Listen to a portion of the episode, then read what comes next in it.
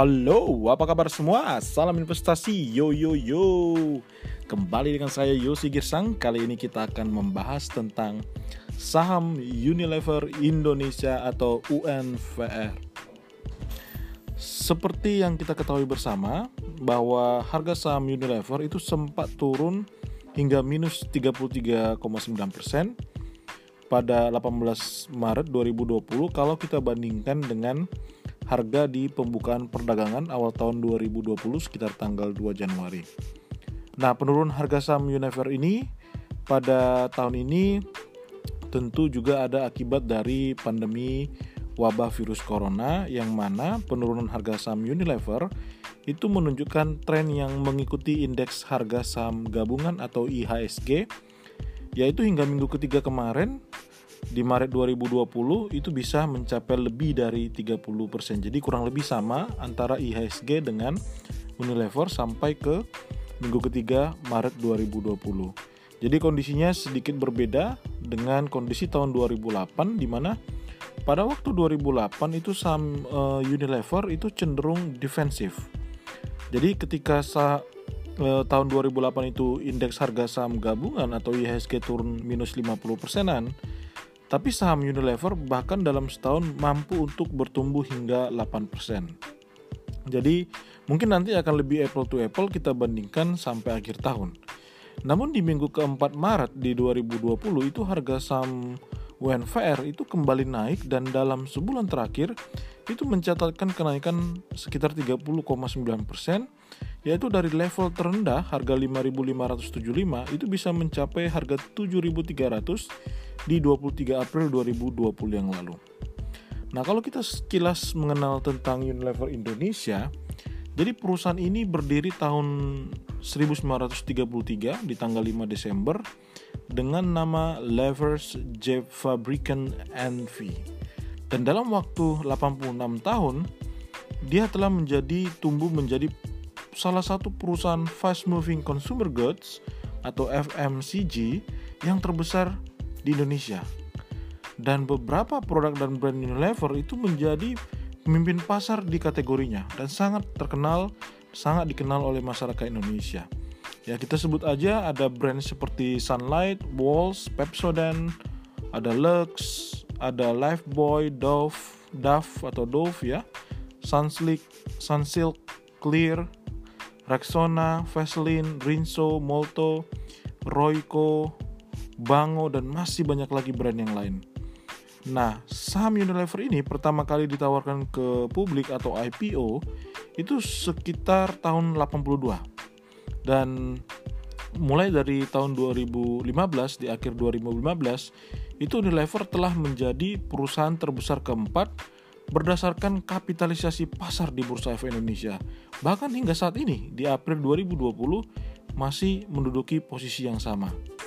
Nah, kalau kita search di halaman atau website Unilever itu ada beberapa milestone penting di perjalanan investasi Unilever ya. Yang pertama tahun 36 itu margarin Blue Band uh, dan sabun mandi Lux itu pertama kali dipasarkan. Tahun 90 mereka membuka pabrik personal care di Rungkut dan masuk ke bisnis teh dengan mengakuisisi Sariwangi tahun 90. Tahun 92 ada es krim Wall dibuka di Cikarang Cornelo dan Pedal Pop itu mulai muncul di pasar. Tahun 2001 mulai bisnis kecap dengan mengakuisisi uh, Bango, kecap Bango. 2004 merek Knorr itu diakuisisi oleh Unilever Overseas Holding Ltd dan menggamukannya dengan Unilever Indonesia dan memindahkan pabrik produk perawatan rambut dari Rungkut ke Cikarang.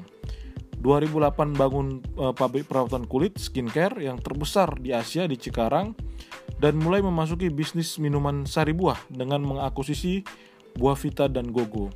Dan 2013 meluncurkan proyek Sunlight untuk menginspirasi masyarakat agar dapat uh, membantu uh, generasi mendatang uh, tentunya dalam uh, membersihkan ya barang-barang atau seperti piring, sendok dan segalanya. Dan 2014 itu meluncurkan program dari Lifebuoy namanya B2B untuk Indonesia. 2015 Unilever membuka pabrik ke-9 seluas 5 hektar di Cikarang. Yang memiliki kapasitas produksi sampai 7 juta unit bumbu masak dan kecap setiap tahunnya. Dan kemudian di 2016 mereka memindahkan kantor pusat ke gedung baru seluas 3 hektar di BSD City, Tangerang. Dan itu ditempati oleh 1.200 karyawan. Dan 2018 mereka meluncurkan saus sambal jawara dan meluncurkan brand perawatan tubuh baru Korea Glow juga sekaligus melepas uh, brand uh, Blue Band yang tadi sudah mulai dari tahun 1936. Nah, saat ini 80% dari saham Unilever atau sejumlah 6 miliar 484 juta lembar itu dipegang oleh Unilever Indonesia Holding BP. Dan sisanya 15% itu dimiliki oleh publik. Nah, saat ini Unilever Indonesia dipimpin oleh Heman Baksi seorang warga negara asing berkebangsaan India yang diangkat sebagai presiden direktur sejak 1 Desember tahun 2014. Dan posisi presiden komisaris itu dijabat oleh Maurits Daniel Rudolf Lalisang yang sebelumnya pernah menjabat sebagai presiden direktur eh, Unilever dari 2004 sampai 2014, sekitar 10 tahun. Nah, kalau kita lihat pada penjualan Unilever, ada dua kategori produk utamanya, yaitu home and personal care atau kebutuhan rumah tangga dan perawatan tubuh dan juga foods and refreshment atau makanan dan minuman. Di mana kalau kita lihat laporan keuangan 2019, home and personal care itu masih mendominasi dengan porsi 69,6% atau setara dengan 29,86 triliun dari total penjualan bersih Unilever Indonesia. Sisanya sekitar 30,4 ya atau mencapai 13,6 triliun itu dari foods and refreshment. Nah, dalam 9 tahun terakhir, penjualan dari Unilever memang menunjukkan tren positif dan bertumbuh. Walaupun sejak 2015 pertumbuhan itu udah nggak lagi dua digit, jadi sudah di bawah 10% semenjak 2015 dan pertumbuhan tersebut bisa dibilang semakin kecil dari tahun ke tahun. Di mana 2019 hanya pertumbuhan sebesar 2,68% atau dari 41,8 triliun di 2018 dan menjadi 42,9 triliun di 2019.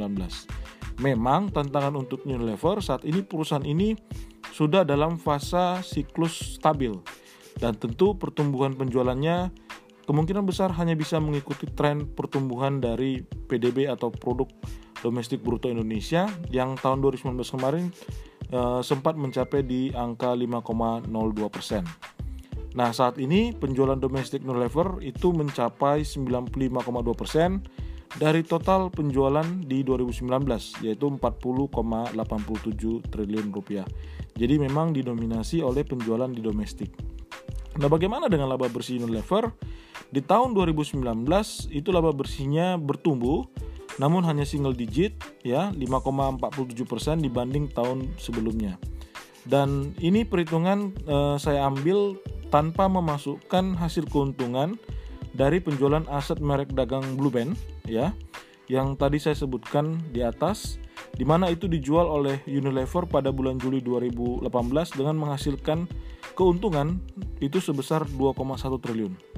Nah, kenapa angka keuntungan di 2018 ini saya keluarkan yaitu supaya uh, memberikan perbandingan yang lebih apple to apple karena kita ketahui ya penjualan seperti ini tidak akan uh, terjadi setiap tahun dan lagi akan berbahaya kalau ada penjualan aset dilakukan oleh Unilever setiap tahun. Itu artinya justru perusahaan tersebut akan semakin kecil ya dan itu dari sisi penjualan uh, tentu akan semakin kecil dari tahun ke tahun jika Unilever terus menjual uh, brandnya ya atau asetnya dia. Nah, uh, apakah Unilever ini tergolong efisien? Coba kita lihat uh, buat anda yang mungkin belum kenal net profit margin jadi net profit margin itu untuk mengukur seberapa efisien manajemen mengelola pengeluaran perusahaan untuk menghasilkan laba bersih. Ya jadi rumusnya sangat simpel ya NPM itu adalah laba bersih dibagi pendapatan. Dan untuk net profit dari Unilever dalam 9 tahun terakhir masih konsisten di level kisaran 16 sampai 17 persen. Ya biasanya kami mengambil NPM itu yang relatif oke okay di atas 10%. Ya, sedangkan uh, untuk Unilever masih tetap di atas 10% dalam lima tahun terakhir dan itu konsisten. Ya, artinya apa? Artinya tergolong efisien. Bagaimana dengan return on equity? Return on equity dari Unilever eh, itu digunakan, sorry, return on equity itu digunakan untuk mengukur kemampuan perusahaan dalam menghasilkan laba bersih. Ya, dari setiap rupiah yang diinvestasikan oleh pemegang saham. Jadi semakin tinggi return on equity sama seperti NPM tadi artinya semakin efisien, semakin sehat perusahaannya. Biasanya saya mengambil return on equity itu kalau di atas 15% tergolong sehat dan efisien. Nah, untuk Unilever sendiri dalam 9 tahun terakhir itu juga masih konsisten bahkan itu di atas 100% ya. Jadi return on equity di atas 100%. Sangat jarang ada perusahaan di Bursa Efek Indonesia yang memiliki return on equity di atas 100%. Hanya ada dua setahu saya. Ya, mungkin kalau Anda tahu ada lagi yang lain bisa informasikan ke saya di Instagram Yosi Girsang. Ya, yang kedua itu setelah Unilever adalah multi bintang Indonesia, ya, sekitar 100 eh, 10 atau 120 persen. Dan seperti eh, data di 2019 itu return on equity-nya uh, Unilever itu bahkan yang paling tinggi di 9 tahun terakhir. Jadi angkanya mencapai 140%. Wow, besar sekali.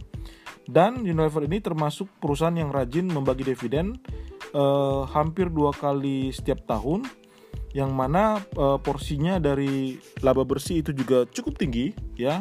Hampir 100% dan Unilever sendiri itu bagi dividen ke pemegang sahamnya di 2019 yang lalu mencapai total sebesar 9,18 triliun rupiah. Besar sekali ya. Nah bagaimana dengan uh, utang dari Unilever, utang Unilever itu cenderung uh, kecil ya. Kalau uh, debt to equity ratio yang biasanya kita pilih adalah kalau dia di bawah 0,5 kali atau debt dari perusahaan itu maksimum 50% dari ekuitas perusahaan ya, yang ekuitas yang diatribusikan ke pemilik entitas induk.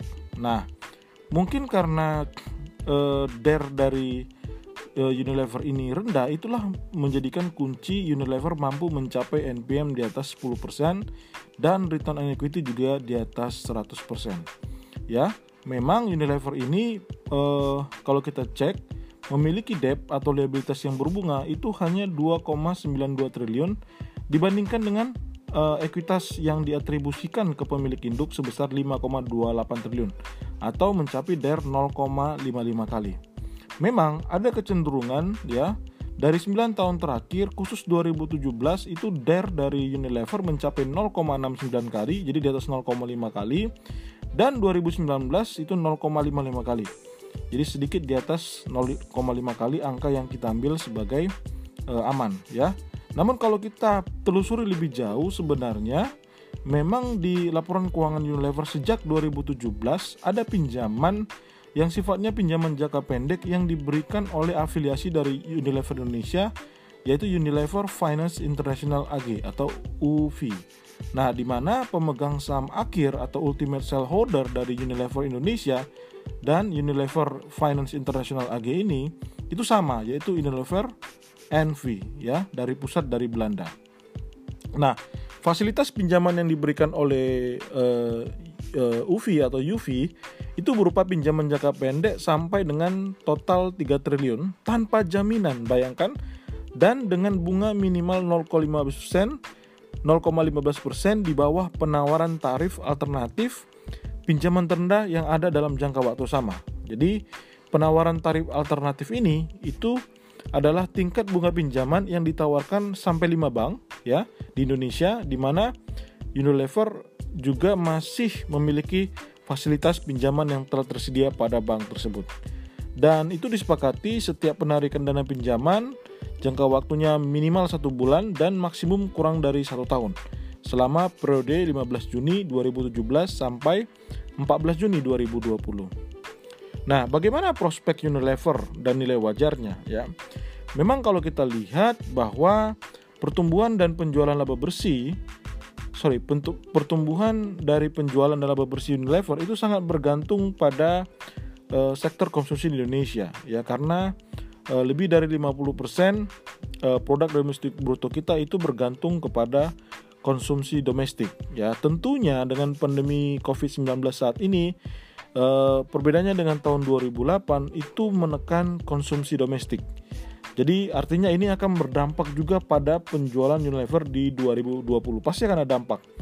Berdasarkan laporan yang dirilis dari McKinsey, itu diprediksi untuk sektor barang konsumsi itu durasi dampak dari COVID akan terasa hingga kuartal kedua 2020. Sehingga kalau kita mau lihat nanti impact dari COVID-19 ini terhadap penjualan Unilever, baru akan menjadi fakta dan jelas mulai terlihat dari rilis laporan keuangan di kuartal kedua dari Unilever yang biasanya rilis sekitar Agustus 2020.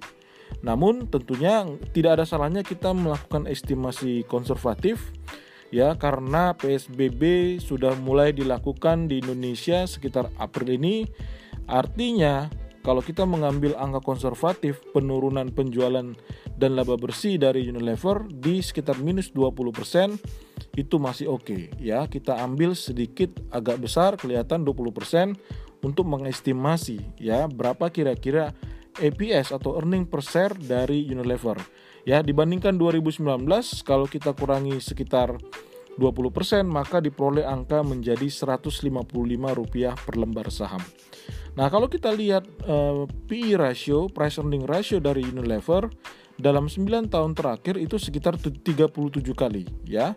Di mana kalau kita ambil angka earning per share tadi Rp155 per lembar saham, diperolehlah harga saham Unilever itu tergolong terdiskon ya karena tadi per terendahnya di 37 kali jika berada pada level harga di 5735 ya di mana sebenarnya harga ini ya 5000 di bawah 5735 ini itu tercapai pada tanggal 19 sampai 25 Maret 2020 yang lalu bahkan sempat jatuh ke level 5275 yang sekarang sudah balik lagi ke 7300. Pertanyaan sekarang, apakah masih mungkin saham Unilever saat ini balik lagi ke 7.300 uh, tidak ada yang tahu tapi menurut saya sangat mungkin masih terjadi. Ya kita memprediksi bahwa saat ini 213 negara masih berjuang melawan pandemi ini. Yang mana hampir semua negara bisa dibilang masih belum punya strategi atau e, cara yang benar-benar bisa mengendalikan secara tepat penyebaran COVID-19 ya. Dan penelitian masih terus berlanjut dan terus berlanjut Artinya masih ada potensi nanti ketika kuartal kedua laporan eh, keuangan muncul atau dipublish, dirilis itu berpotensi untuk eh, membuat market kecewa sehingga banyak yang mungkin eh, eh, apa menjual sahamnya dan berpotensi untuk IHSG turun kembali seperti di level tahun di, di level di Maret 2020 yang lalu. Jadi dalam kondisi seperti ini akan sangat bijak kalau kita melakukan pembelian bertahap ya jangan terburu-buru langsung menghabiskan cash supaya nantinya ketika ada opportunity lagi Anda bisa membeli dengan harga sedikit lagi lebih murah dibandingkan harga sekarang. Nah, kalau kembali kami ingatkan ya, setiap podcast saya tidak bertujuan untuk memberikan uh, rekomendasi disclaimer on, namun tetap semua keputusan jual beli ada di tangan Anda sebagai pendengar ya resikonya karena tujuan kami memberikan analisa ini untuk edukasi. Ya supaya kalau Anda baca uh, atau dengar podcast saya itu Anda akan tahu bahwa kebanyakan riset ini kami lakukan sendiri sehingga Anda bisa terbayang atau Anda bisa punya gambaran bagaimana untuk melakukan riset di perusahaan sebelum kita mulai memiliki atau membeli satu saham perusahaan yang sudah terdaftar di Bursa Efek Indonesia. Itu dulu podcast dari kita kali ini tentang Unilever Indonesia. Semoga bermanfaat. Salam investasi.